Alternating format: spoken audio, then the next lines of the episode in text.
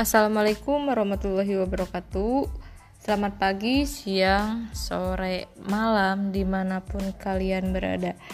Bagaimana nih kesehatannya? Semoga kesehatan kalian sehat terus ya. Jaga kesehatannya, jangan lupa makan dan makan buah-buahan di tengah pandemi ini.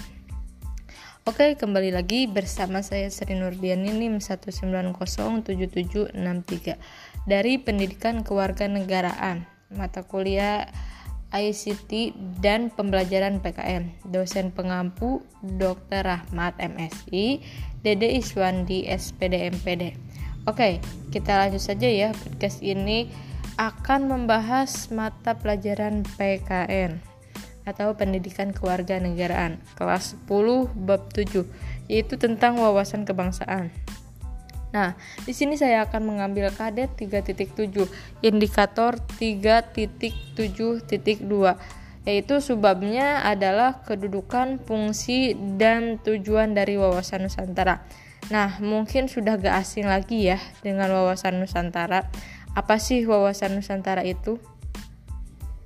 Ya, benar. Wawasan Nusantara menurut Profesor Wan Usman Wawasan Nusantara adalah cara pandang bangsa Indonesia mengenai diri dan tanah airnya sebagai negara kepulauan dengan semua aspek kehidupan yang beragam.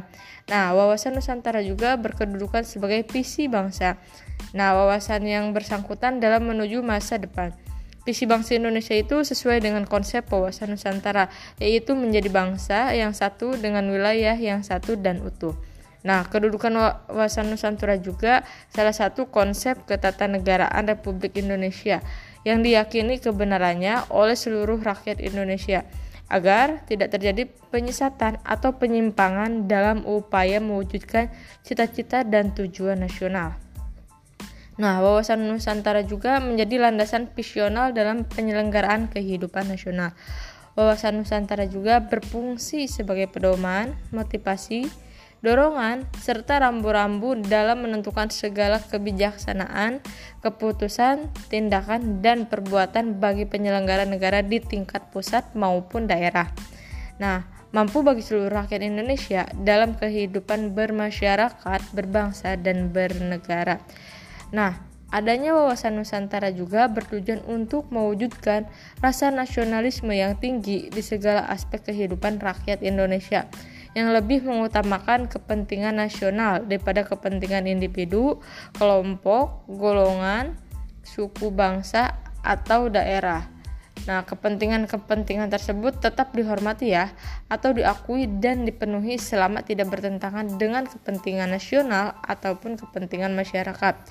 Nah, nasionalisme yang tinggi di segala bidang demi tercapainya tujuan nasional tersebut merupakan pancaran dari makin meningkatnya rasa paham, rasa semangat, kebangsaan dalam jiwa bangsa Indonesia sebagai hasil pemahaman dan penghayatan wawasan Nusantara.